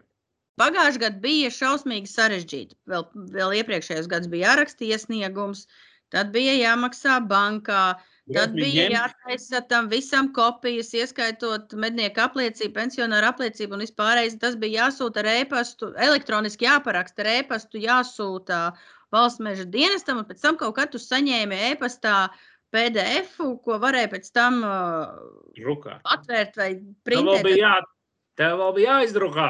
Zini kā, ne Nē, visiem ir nav, nebija jādrukā. Nē, nu, Nebija jādrukā. nē, nu nebija obligāti, bet bija Jā, jā, bet- jāspēj uzrādīt. Jā, uzrādīt. un tā kā es vienmēr to, to. PDF saglabāju telefonā, es viņu nekad nevarēju atrast uh, vitāli svarīgos mirkļos. Tā. Tagad, Nu, par to protams, jā, es- Tagad ir iespējams to darīt ģisā. Ģis- Patiesībā salīdzinoši šausmīgi elementāri, bet tur jau man kaut kāda viena lieta jau nokavē, nokaitināja. Es jau to arī pēc tam izstāstīšu, kas man tur nokaitināja. Bet tagad, esot jaunai sistēmai, nekas nav jādrukā ārā. Tādēļ cilvēkiem bija jautājums, nu, kā tas ir, ka nav jādrukā ārā, kā tu to zini. Uh, nu, ka, nu, kā tu vari parādīt, ka tev ir sezonas karte? Otrs ir jautājums, kā tagad medību vadītāji zinās, ka tev ir sezonas karte? Un tikai trešais jautājums bija, viens bija kā mēģinājis to sezonas karti nopirkt, un viņam viens neatsūtīja e-pasta apstiprinājumu, ka viņš ir nopircis. Atsūtīja gan, bet pēc tam ne jau uzreiz. Es pieļauju. Nu, es, nu, ceru, viņš tagad, norād... es ceru, ka viņš arī bija norādījis pareizo e-pastu, kas tur bija jānorāda, ja, uz kuriem tad attiecīgi arī sūta informāciju. tagad Oskars to ir izdarījis. Oskars tagad izstāstīs, kā tas ir. Fantastiski! Iet mājaslapā, ielogojieties ar uh, to vienoto pieteikšanos. Ja? Uz Tādējādi. ekrāna ir adrese, kur ir jāiet. Jā. Tādējādi jūs attiecīgi apstiprināt, verificējat sevi, ka tas esat jūs un neviens cits.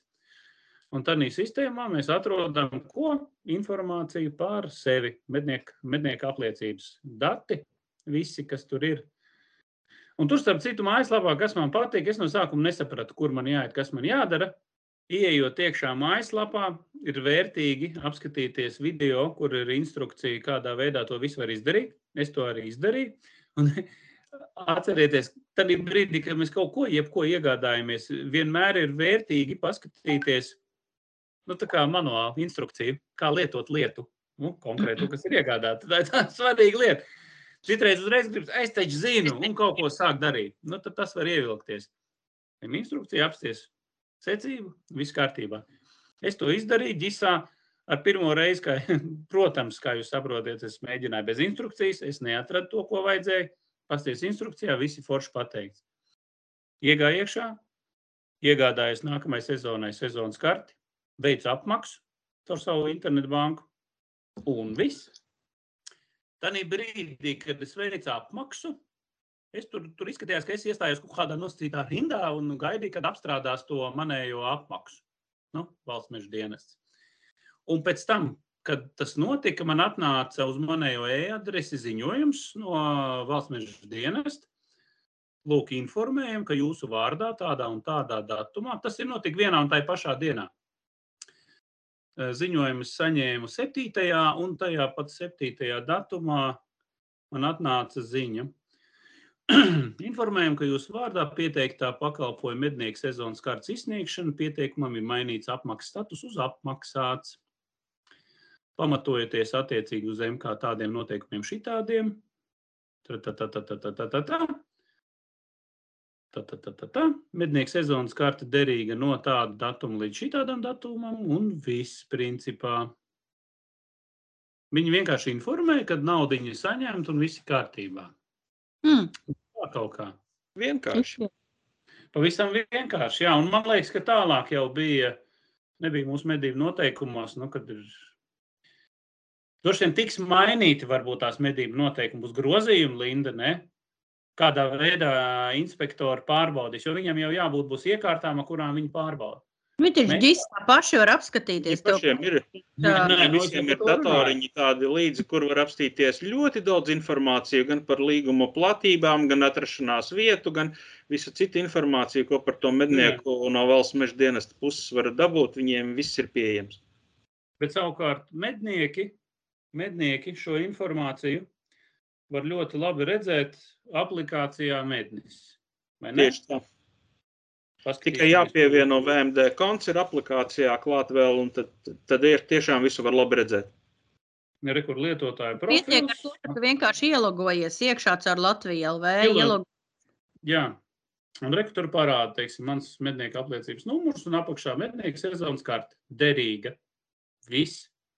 Tas arī, un to, un to var arī var parādīt medību vadītājiem, bet tur vēl bija diskusijas par to, ka, Kā mednieka Mednieka- vadītājs var pārbaudīt. Domā? jā, jo bija jautājums par to, vai, vai, vai ja, ja zinē medībās mednieks nav nopircis sezonas karti, piemēram, aizmirsis, Jā.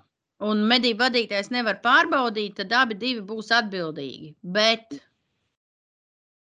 bet runa ir par to, ka medību vadītājam ir tiesības, nevis pienākums pārbaudīt tavus dokumentus. Tas nozīmē, ka tu esi pats atbildīgs par to, ka tev visi papīri ir kārtībā.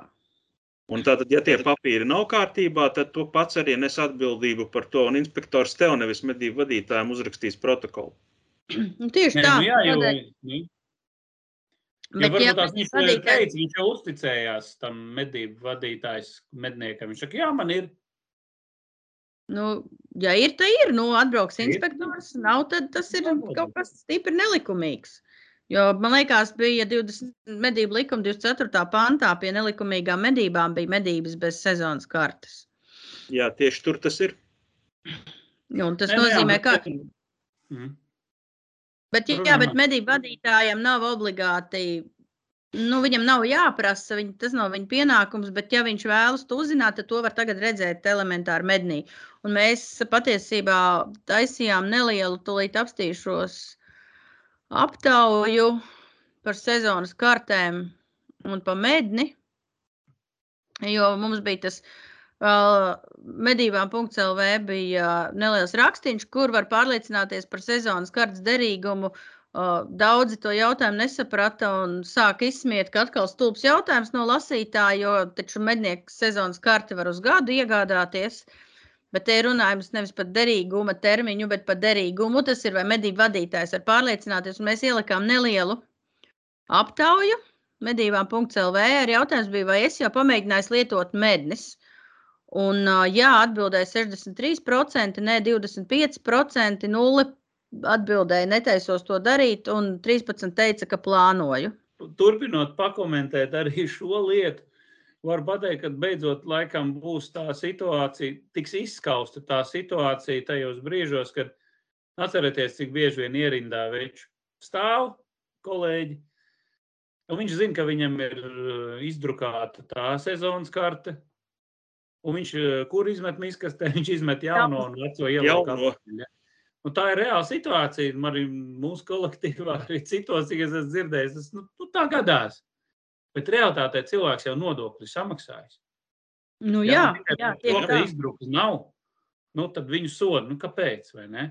Nu, pārbaudiet, es esmu samaksājis, viss ir kārtībā. Nu, tad, svarīgākais jau ir nomaksāt to nodevu, nekā parādīt izdrukātu papīrī. Nu, neatkarīgi no tā, var pārbaudīt, tev vienkārši tev ir vieta tālrunis, tev ir podziņa tālrunis vienalga. Ja tu būsi samaksājis, tad ģisā varēs pārbaudīt, un tas būs elementāri redzams. Jā, labā ziņa ir tāda, ka uh, valsts meža dienests attīstās šajā ziņā, un tas ir kļuvis ar vien modernāk. Un starp citu, bija interesanti arī tas, ka ģisā tagad var arī šausmīgi ātri, elementāri, fantastiski, superīgi, kā franči teiktu, magnifique, ženjāļi veidā nokārtot ārvalstu medniekam atļauju medīt Latvijā. Jā, agrāk atkal bija iesniegums, un tur bija tie dokumenti, un tad bija maksājums, maksājuma uzdevums, un bla, bla, bla. Tagad to vienkārši elementāri var izdarīt ģisā. Tikai tas viss ir kaut kur noslēpts, kaut kur zem sadaļas pakalpojums. Tad, kad uzspied pakalpojumu, tad tev tur labā pusē zem kaut kādas tur šiltītes parādās iespējamie pakalpojumi. Un tagad ir tā, ka tu uh, ievadi uh, vārds, uzvārds, mednieka apliecības vai uh, personu apliecinošā dokumenta numuru, pievienos ārvalstu mednieka, mednieka apliecības kopiju, ID kartes kopiju, un turpatās arī samaksā. Vēl ir jāmaksā vecā, vecā summa, nekas nav mainīts. Un smieklīgākais bija tas, ka man, man tagad uh, martā brauc paziņa no Šveices uz Latviju medīt. Un uh, es teicu, atsūti man savu sezonas nu, mednieku apliecību un ID karti. Viņš man atsūtīja, un pēc piecām minūtēm es jau viņam paziņoju, ka viņš ir sistēmā, pa viņu ir samaksāts, un viņam nekāda izdruka nav vajadzīga, un viss ir kārtībā. Viņš tā atbildēja: Wow, Tas gan ir forši. Mums ir vajadzīgs divas nedēļas, lai to izdarītu. Jūs, Džeki, esat reāli attīstīti. Šitā tam vajadzētu būt.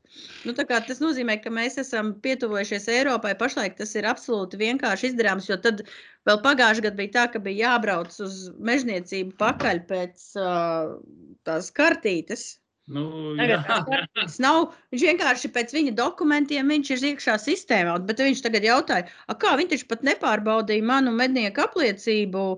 Nu, tā kā, nu, uh, no pie tā mednieku apliecība vēl ir vāciski, nu, tā kā no Šveices. Es jā, saku, nu jā, bet es esmu atbildīga tagad par tevi. Tev ir auklīte. Pavisam vienkārši. Elementāri. Superīgi. Es gan es bišķiņi sacepos par to, ka tas pakalpojums, tā sezonas, nu, tā ārvalstu mednieka atļauja ir kaut kur pabāsta apakšā zem vienas ikonas, kur man kati labi, ka pateica priekšā savādāk, es tur būtu sākus ārdīties un nebūtu atradusi. Bet, nu, ja kurā pat... gadījumā izpētīsim arī to, es, ko es varu pateikt, tev var bišķi palabot, pat nevis mēs esam pietuvojušies Eiropai. Bet Eiropa nav pietuvojusies mums, jo īstenībā Austrum Eiropā tehnoloģijas ir attīstītākas nekā vecajā Eiropā. Un tas jau būtu tā kā vienmēr ir bijis, es nezinu. Jā, tā kā ir, mēs esam paraugs viņiem, kā vajadzētu lietas darīt. Ne nu, tikai mēs, Zviedrijā ir tieši, Zviedrijā ir tieši tāda pati sistēma. Ieej, ievada savus, uh, bet pret Angliju ievada visus savus datus, viņi neko nepārbauda, tu samaksā kurā mirklī viņi pārbauda. Tad, ja tu atbrauc uz Latviju un tevi medībās tagad atbrauc inspektors, viņš sāk tev pārbaudīt. Nu, ja tev nav tās mednieka apliecības derīgās, nu, tad, nu, tad, tad nu, tu pat vari būt samaksājis nodevu, bet tev nav tiesības te medīt. Nu, tur jau tā lieta. To ir runa. Tajā ziņā šveicieši bija, šveicietis bija patīkami pārsteigts, ka tas notika divās, piecās minūtēs apmēram. Super. Super. Man arī būs jāizpēta, man arī plānojās tie ārzemnieki. Tā kā būs jā, viesi, jāskatās, būs, kā to var izdarīt. būs interesanti. Vēl viens maziņš jautājums pēc pauzes. Nu ko, pārlādējam! Mums ir 118. epizode, dublis divi, tāpēc, ka mēs pagājušo trešdienu izdarījām to pirmo reizi podkāstu vēsturē par spīti visiem mūsu uh, mūsu krātajai pieredzēji un par to, ka vienmēr viss ir jāpārbauda un, un vēl kaut ko mēs izdarījām. To mēs ierakstījām podkāstu bez skaņas. Jei. Un tādēļ mēs šodien. Bija, kaut kas aizgāja greizi, bet ne par to, ne par to. Skaņas nav. Jē, mēs rakstam vēlreiz. Ir video, nu lūk, mēs izdarījām to, un tagad mēs šodien otro reizi šonedēļ tiekamies um, uh, podkāstā Skype versijā. Man nepatīk Skype versijas, man liekas, jums arī nepatīk Skype versijas, bet neko. Mums ir uh, Induls, kurš ir pozitīvs džeks šonedēļ, uh, Oskars. Uh, uh, es uh, sēžam tagad piekdienas vakarā pusdesmitos vakarā un mēģinām kaut ko sapļāpāt pa otram lāgam. Um, tikko atnāca.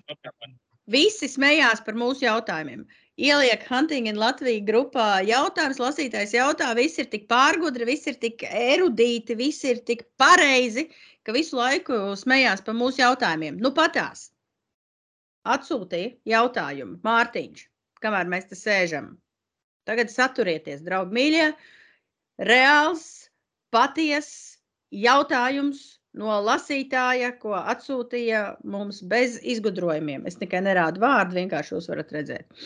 Sveiki! Radās jautājums par medību platībām. Tātad mūsu medību platībās atrodas neliels ezers.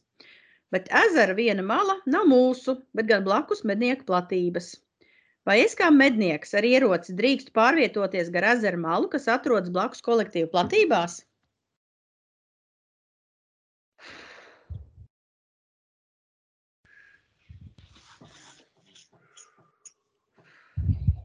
Nu, kā ir tavs, tavs josla? Vo?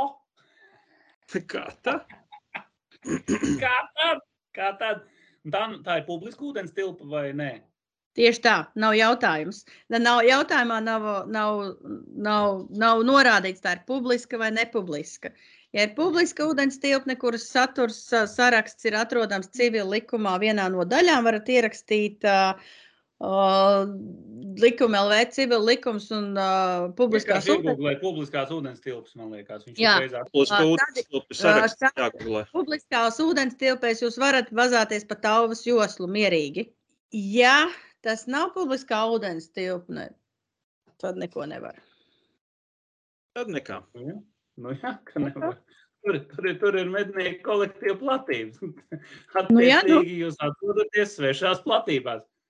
Nu, viss. Un pie tam, eh, ja tā publiskā ūdens tilpe, tad tur var medīt eh, tikai ūdensputnus. Bebru Tieši tur kaimiņu. eh, Bebru tur nevar medīt tādās platībās nekādā ūdens. gadījumā, jo tās būs malmedības uzreiz. Labāk vispār, vienkārši vispār, lai nesabojātu kaimiņu attiecības. Nu, taču nē, ar to ieroci uz otru pusi. Nu, Es kādreiz vienā- vispār?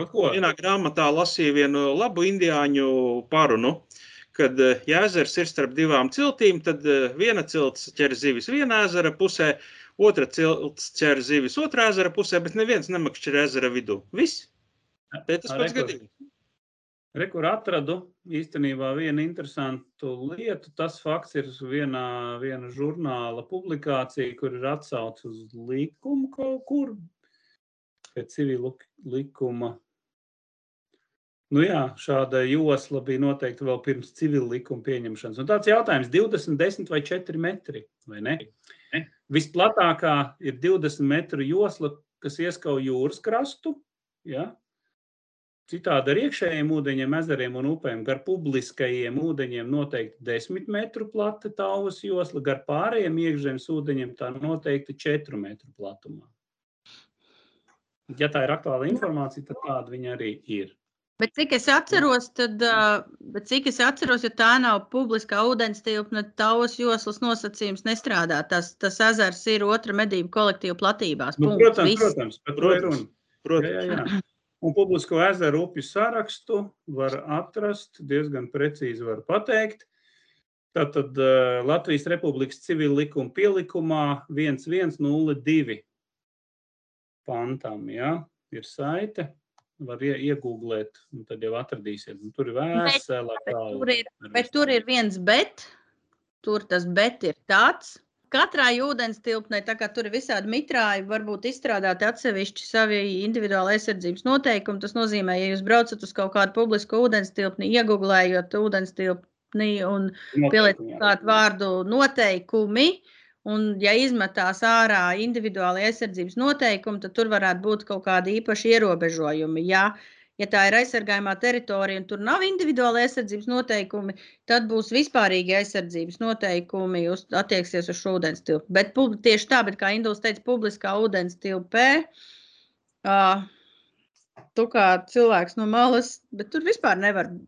Nu, ja tas ir, ja tavs medību kolektīva platības pienāk klāt pie publiskās ūdens tilpnes, tu vari medīt tur bebrus tajā krastā. Var, jā, tieši tā. Bet salā Jā, jā. krastā tikai. Ja tu esi atbraucis uh, no Rīgas uh, medīt publiskā ūdens tilpē ūdensputnus, tu vari medīt tikai ūdensputnus. Viss, nekādi bebri, nekādas ondatras, nekādas Amerikas ūdens un vēl mazāk cūkas.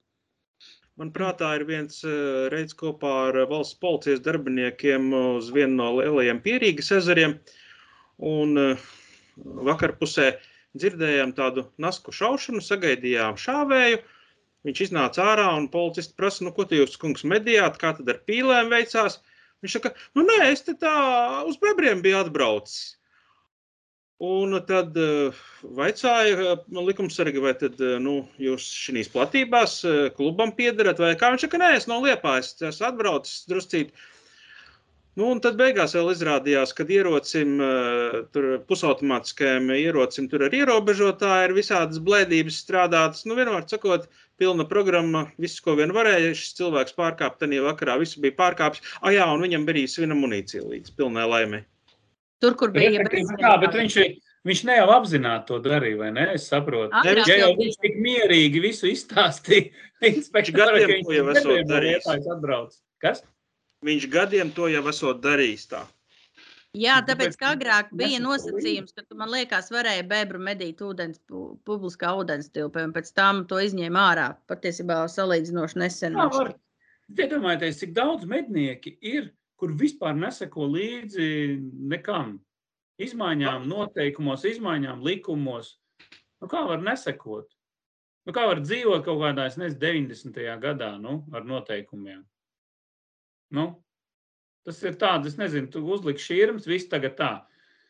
Es kļuvu par mednieku, tagad šī tāda noteikuma, šī tāda tagad ir visu mūžu. Nu, ir jāsako līdzi laika pa laikam, tā kā mēs esam teikuši, jāpalasa ir nedaudz noteikumu, jāiziet cauri.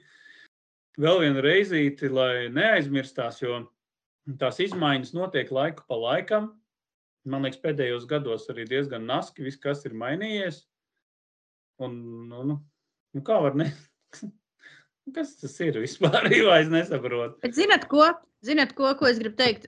Es domāju, ka tie cilvēki, kas lasa žurnālu un sako līdzi medībām, .lv, lai gan ne visi, uh, tie, kas daudz maz lieto sociālos tīklus un noteikti tie, kas klausās mūsu podkāstu, tie tos likumus vairāk vai mazāk zina. Bet, protams, ar izņēmumiem, tāpēc, ka mēs pagājušajā nedēļā pēc divas pēc cik gandrīz divu nedēļu gaidīšanas beidzot mums valsts policija, zemkopības ministrija un arī laikam beigās valsts meža dienests atsūtīja informāciju par to, kā tad ir ar tiem QR kodiem. Var vai nevar medībās iet bez QR koda.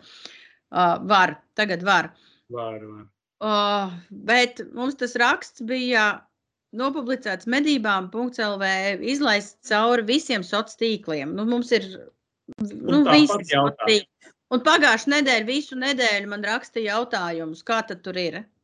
Tad vismaz elementāri es iekopēju viņam saiti un staigā un lasi. Bet jā, par tiem likumiem ir kaut kāda paudze, kaut kāda daļa vecāku mednieku, piemēram, vēl, kas ir labi. Tas ir ļoti labi. Pīlais vēl joprojām braucot, uzskata vai, vai atcerās, ka vairāk par piecām pīlēm nevar medīt. Ļoti labi, ka viņi tā domā. Kāpēc ne? Aizbraukt Nu. uz Lubančiku un piecas pīles. Yes.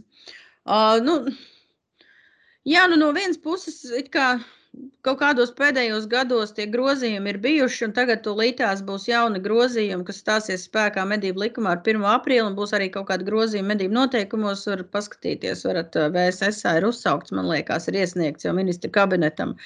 Uh, Bet tās tie grozījumi jau nenotiek tik bieži, un tad, kad, un tad, kad ir kaut kāda jauna, mēs parasti arī rakstam, un, ja tev interesē, nu, tad tu sako līdzi. Kā, nu, ja cilvēks, ko es gribu pateikt, ja cilvēks negrib zināt un neinteresējās, mēs ar varu viņam to iebāzt nekur nevaram. Viņam pašam ir jāgrib zināt un uh, sekot līdz tam, kas notiek. Šā garām jaktei būt. Runājot par to, par ko kur var ne? Es taču tagad, tā lai saka, esmu izgājis zināms kursus. No, zinu, jā, tagad var esi- Nē, kā mēs, kā es tev teicu, pirmajā dublī, tagad tu medījumu gaļu ēst vairs negribi, ja? Jā, Oskar, kā tur ir? Tagad ir jāskatās tā ar nu, tādu zinām aizdomu uz to visu pasākumu, kādā veidā, kas ko kā. Esmu stipri iepazinies ar dažādām infekcijas slimībām, ar parazītiem, ar, ar visu to, kas notiek dzīvniekam iekšā, kāds ir, kāds nav. Esmu tagad ļoti apmācīta persona, var izsniegt atzinumu, ja? tā kā pavisam oficiāli. Drīz atnāks, man šodien atnāca arī ziņa, ja, ka, ka mēs varam braukt pakaļ tiem, tiem certifikāti, nesertifikāti, apliecības, ka mēs to visu varam darīt. Uz termiņu vai bez termiņa iedeva? Uh, nezinu vēl, kad, kad būs, tad, tad pateikšu, bet principā ir. Jā. Nu, es vēl domāju par to otro līmeni, arī būtu padziļināt un interesantāk nedaudz, un, bet jebkurā gadījumā šausmīgi interesanti kursi. Visiem iesaku, ja ir iespēja aizbraukt, pamācīties, vienmēr apgūt kaut ko jaunu, ir vienmēr ļoti forši, ļoti palīdz kļūt erudītam un tā. Uzzināsiet daudz ko jaunu, pat ja jums liekas, ka visu kaut ko zinat, noteikti. Ja? Tā vismaz bija nu, ar daudziem maniem kolēģiem. Mēs tur kopā, ah, nu, tas it kā jau zināms ir vai kas. Ot līdzīgi tā kā es, teiksim, nezināju, nu, piemēram, kur atrodas diafragmas kājiņas, piemēram, ja? un kā viņas izskatās. Man melna bilde, bet eh, un, un, un kāpēc tieši diafragmas kājiņas, piemēram, ir vajadzīgas eh, nodot analīzēs? Indul, tu zini, pēc kam viņas vajadzīgas vispār jānodod analīzē? Tāpēc, ka tādā vietā vislielākā iespējamā trihinēlu koncentrācija varētu redz, būt tāpat kā, tāpat kā Kāpēc? muskuļu. A, Kāpēc tieši tur? Kāpēc kur tieši tur? saite. Es varu pastāstīt, kāpēc. Labi, Indul, tu zini, kāpēc? Es jau zinu, es tikko esmu izmācījies. Kāpēc tieši tur? Kāpēc tieši tur? Jā, kāpēc tieši Kus- tur? Ļoti kustīgs un apasiņots muskulis. Nu, ne tikai, ne tikai. Viņš ir ļoti apziņots, bet kāpēc tieši tur? Jo tieši tur, tajā vietā, uh, asins iet iekšā. Un tur ir tāds aptuveni tas, tāds, tāds pats variants, ja cilvēki vienkārši saskrien visi iekšā tunelī, a tunelim nav izējis tādā galā. Un tu tur paliec dzīvot iekšā. Tā aptuveni. Tāpēc Kuras viņi tur saskrien, saskrien visi iekšā, un tur simt punkti, ja tur ir, tad tur būs. Jo viņi no turienes ārā neiet jau vairāk. A, kurā kā vietā? A, kur, kur ir tās diafragmas kājiņas tad? Kuras ir kājiņas? Visā grūti pa- pateikt. Mums arī rādīja, teiksim, piemēru, kur visi domā, ka ir kājiņas. Nu, bet liek- pasakīt, nu, Ka kā grūti. nu, teiksim, ka to diafragmu apgriež ap ribām, ja? Un visiem Jā. šķiet, ka tieši tur tie gabaliņi, kas ir pie ribām, ka tās ir tās kājiņas. Nē, viņas ir tieši tur pašā apakšā. Divi tādi nelieli muskulīši. Tā kā, tā kā krūšu kurvi apakšā Nu, sanāk. kaut kur tur sanāk, jā, tā kā apakšā pienāk klāt. Mums rādīja jau izķidātu cūciņu, mums nesanāca, diemžēl, vienu dienu nomedīt kaut kādu bebrīti, lai varētu, nu, tā kā jau realitātē apskatīties bebri, bet mums rādīja vienu mājas cūks jau izņemt ārā iekšā. Tur bija za- zarnas, nebija kuņģi, nebija, bet bija plaušas, nieres, eh, sirds, attiecīgi tā diafragmas, tā viss tā plēve. Un viņas apakšā ir viņa tā, tā, tā divi tādi, tādi uz leju. Uk. Bet arī- lūk, ir, eh, es varu parādīt, lūk, ir bilde. Nu, te viņas ir, šādi viņas izskatās. Eh, Cik es sapratu, ir trīs vietas nu, nosacīti, kuras ir visefektīvāk nodot uz trihenelozi. Mēlis pamatne. Mēlis pamatne, tas ir viens. Otrs, nu, Diafragma. šīs te kājiņas. Kājiņa, diafragma, Un, jā. un trešā Jā, vieta ir, kur lielais muskulis pāriet eh, tai cīpslā. Vismaz plīkšķis. Pavisam vienkārši apakšējam, apakšējam, nu, faktiski kājai apakšā, Jā. tā kā, nu, kur tas ikars saucamais, kas, nu, cīpslainais, tās gabaliņš. Tieši tā.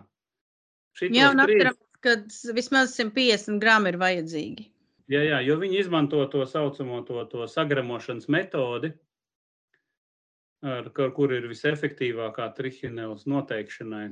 To mums tā kā detaļās neparādīja, nepastāstīja, kā tad ir tā sagramošanas metode, bet, nu, teiksim, no tās metodas, kas bija tur tā, kur, eh, kur grieza pa mazam gabaliņam, lika zem stikliņa, ja, ka tā nemaz nav tik efektīva. Kā. Man tā kā man kā likās, ka tieši tā to trihinēlu tur meklē. Es- Nē, Bet, viņi jau liek kaut kādā šķīdumā. Jā, jā, jā, nu, tā ir tā sagramošanas Jārā man metode. rādīja, kā, kā to dara. Vienmēr sakot, gaļa tiek samalta, šie te paraudziņi tiek samalti, un tad ar speciāliem reaģentiem tiek šķīdināti zināmu Mhm. laiku, un tad uh, tas atlikums tiek likts zem, uh, nu, starp tiem stikliņiem un tiek pētīts. Nu, jā, jā, jā. Tad, tad Bet jā, tas, tas, bet tas to Daļējā pēt, sakārtošanas Daļējā metodas saucās. tas jā, ir jo- metode. Nu, ja? met, jo, jo viņi jau ir mikroskopisks tās Tieši tā. ikanēls.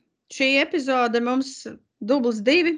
Man liekas, sanāca tagad interesantāk nekā pirmajā reizē.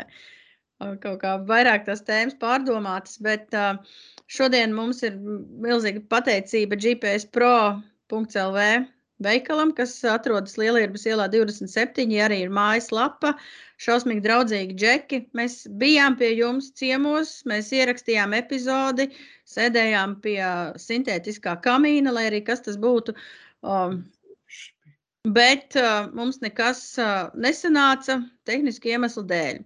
Tā kā, nu, draugi mīļie, joprojām, joprojām neizpaliek tieši tas, ka, ja jums patīk šī epizode, spiežam laikus, tas mums ļoti noderēs. Obligāti iekomentējiet, arī atbildot uz jautājumu, vai arī vienkārši gribat kaut ko mums pateikt. Arī tas, ka jūs to darīsiet, tā teikt, ir ļoti labi. Tādējādi jūs mūs atbalstat un mūs redzēs ar vien vairāk cilvēku. Rādiet šo arī nemedniekiem, mazums aizķersies, kaut kas interesants, un sapratīs, kā, ko tad tie mednieki, par ko viņi runā. Tā kā, nu, ko es varu pateikt? Šaujiet garām droši vien, vai ne? Protams, lasiet žurnālu medības, abonējiet līdz gada beigām, tāpēc, kā mēs tagad strādājam, tieši liekam kopā jauno pielikumu, kas būs aprīlī. Vēl šobrīd uz aprīli var abonēt, manuprāt, ar visiem pielikumiem. Pielikums būs par med, med, med, par gaļas apstrādi. Mēs pētām visu, sākot no kā apstrādā putnu, zaķi, āpsi, pārnaģus līdz pat gaļas higiēnai, vispār medījumu gaļu, un vēl būs arī par to, kā apšu taukus pagatavot un bebru uzlējumus kā pagatavot. Tā kā abonējiet to, protams, mums vēl ir YouTube programma, speciālā mūsu īpašajiem faniem un atbalstītājiem mums ir katru nedēļu uh, pa kādam raidījumam vai, vai šā garām tiešraides. Mums, mums trešdien sanāca tiešraidi, varat apskatīties par nažu asināšanu. Paldies visiem mūsu faniem un atbalstītājiem. Es saprotu, ka tagad ir visiem grūti, tādēļ mēs cenšamies baigi reklāmām šobrīd neuzbāzties, bet, ja nu tomēr gribat mūs atbalstīt, ir dažādas iespējas, kā to darīt. Paldies milzīgs GPS Pro, paldies uh, Oskaram un Indulim un man, un paldies par pacietību. Un, uh, pats galvenais, pats galvenais, Linda. Nemēslojiet mežā. Jā, šaujiet garām. garām. Jā, ka te būtu. Ņemamies nost. Masts beidzies.